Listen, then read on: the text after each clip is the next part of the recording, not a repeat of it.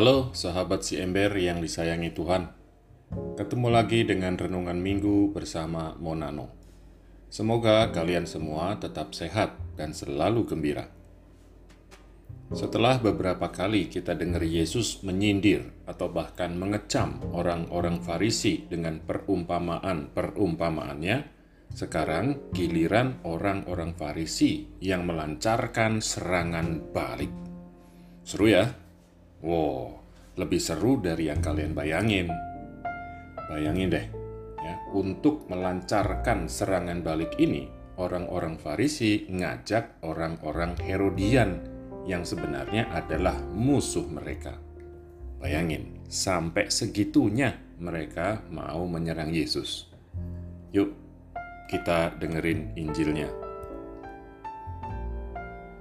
Sekali peristiwa, Orang-orang Farisi berunding bagaimana mereka dapat menjerat Yesus dengan suatu pertanyaan. Mereka menyuruh murid-murid mereka bersama orang-orang Herodian bertanya kepada Yesus, "Guru, kami tahu engkau adalah seorang yang jujur dan dengan jujur mengajarkan jalan Allah, dan engkau tidak takut kepada siapa pun juga." Sebab engkau tidak mencari muka. Katakanlah kepada kami pendapatmu, bolehkah membayar pajak kepada kaisar atau tidak?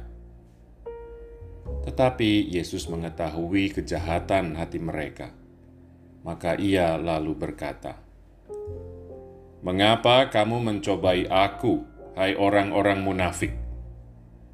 Tunjukkanlah kepadaku mata uang untuk pajak itu.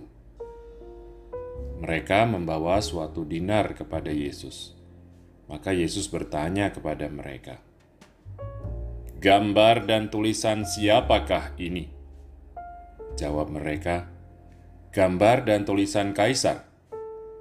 Lalu kata Yesus kepada mereka, "Berikanlah kepada kaisar apa yang wajib kamu berikan kepada kaisar, dan kepada Allah apa yang wajib kamu berikan kepada Allah. Berikanlah kepada kaisar apa yang wajib kamu berikan kepada kaisar, dan kepada Allah apa yang wajib kamu berikan kepada Allah. Teman-teman yang dikasihi Tuhan, bukan Yesus namanya kalau sampai terjerat pertanyaan alias jebakan Batman. Yesus bukan cuman bisa jawab, lebih dari itu jawaban Yesus lagi-lagi jadi serangan buat orang-orang Farisi. Kalimat itu tadi menjadi inti dan kunci jawaban Yesus yang menjadi pukulan telak banget buat orang-orang Farisi. Kenapa begitu? Teman-teman terkasih dalam Kristus, kita udah dengar tadi kalau jebakan Batman-nya bertemakan pajak. Ini bisa jadi jebakan buat Yesus karena bagi orang Yahudi, membayar pajak kepada raja bangsa asing hampir sama artinya dengan menghujat Allah. Bagi mereka, Allah lah raja mereka. Membayar pajak berarti mengakui bahwa raja asing itu adalah raja bagi mereka, dan itu hampir sama dengan menggeser posisi Allah sendiri. Maka, kalau Yesus memberi jawab yang mengiyakan hal pembayaran pajak, itu dapat dijadikan alasan untuk mempersalahkan Yesus di hadapan orang-orang Yahudi. Sebaliknya, kalau Yesus menentang pembayaran pajak, maka orang-orang Herodian yang adalah kaki tangan penjajah Romawi akan siap menangkapnya sebagai penentang kaisar dan penghasut rakyat. Manterman kekasih Allah Yesus memulai jawabannya dengan pertanyaan, "Gambar dan tulisan siapakah ini?" sambil menunjuk ke koin Romawi. Setelah semua orang memperhatikan bahwa itu adalah gambar dan tulisan kaisar, Yesus mulai melancarkan pukulan yang pertama. Berikanlah kepada kaisar apa yang wajib kamu berikan kepada kaisar. Gambar dan tulisan kaisar pada koin itu dengan jelas menunjukkan bahwa koin itu adalah milik kaisar. Maka uang itu wajib diberikan kepada kaisar sesuai aturan yang berlaku. Tetapi jawaban Yesus nggak berhenti di situ. Kita udah dengar tadi, kalimat Yesus nggak berhenti di situ. Dan justru bagian terakhir kalimat Yesus inilah yang menjadi inti atau bagian terpenting dari jawaban Yesus yang menjadi pukulan telak bagi orang-orang Farisi dan barangkali bagi kita juga yang hidup di zaman sekarang. Teman-teman yang terberkati, Yesus kenal betul orang-orang Farisi. Yesus tahu mereka keberatan membayar pajak kepada penjajah Romawi. Tapi pengetahuan Yesus lebih dari itu. Yesus tahu persis kalau keberatan mereka nggak sama dengan keberatan orang-orang Yahudi lainnya yang terkait keyakinan agama mereka tadi. Yesus tahu persis orang-orang Farisi keberatan membayar pajak karena mereka adalah hamba uang, karena mereka mata duitan. Jadi mereka keberatan membayar pajak semata karena nggak mau kehilangan duitnya. Maka bagian kedua jawaban Yesus, dan berikanlah kepada Allah apa yang wajib kamu berikan kepada Allah. Bisa dikatakan merupakan tamparan keras atau bahkan pukulan telak bagi orang-orang Farisi. Bagaimana mereka bisa mengabdi Allah kalau mereka menghamba pada Mammon? Yesus dengan amat tegas mengecam mereka dan mengingatkan supaya mereka melakukan kewajiban yang paling penting dan utama, kewajiban kepada Allah. Inilah serangan balik dari serangan balik. Keren abis. Teman-teman, kawanan yang dicintai Tuhan.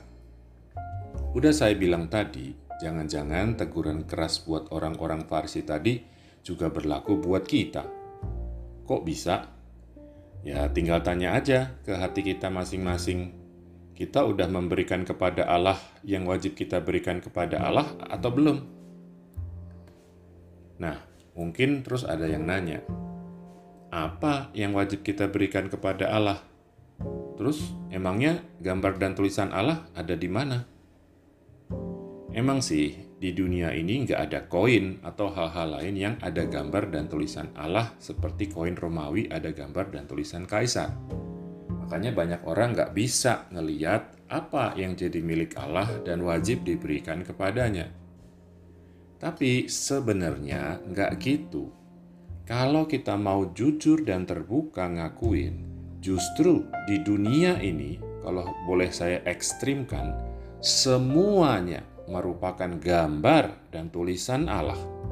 Segala yang ada di dunia ini merupakan jejak-jejak atau tanda kehadiran Allah. Emang ada yang gak gampang ditangkap dan dimengerti.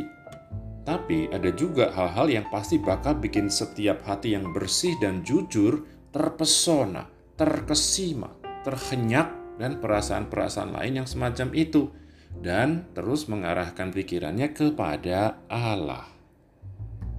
Contoh paling gampang mungkin fenomena atau pemandangan alam yang indah luar biasa. Gak usah saya sebutlah contohnya, banyak banget. Lihat aja di internet, banyak banget. Screensaver atau wallpaper atau apalah namanya di laptop saya aja, keren-keren banget gambar pemandangannya. Dan selama ini belum pernah saya lihat gambar yang sama dua kali.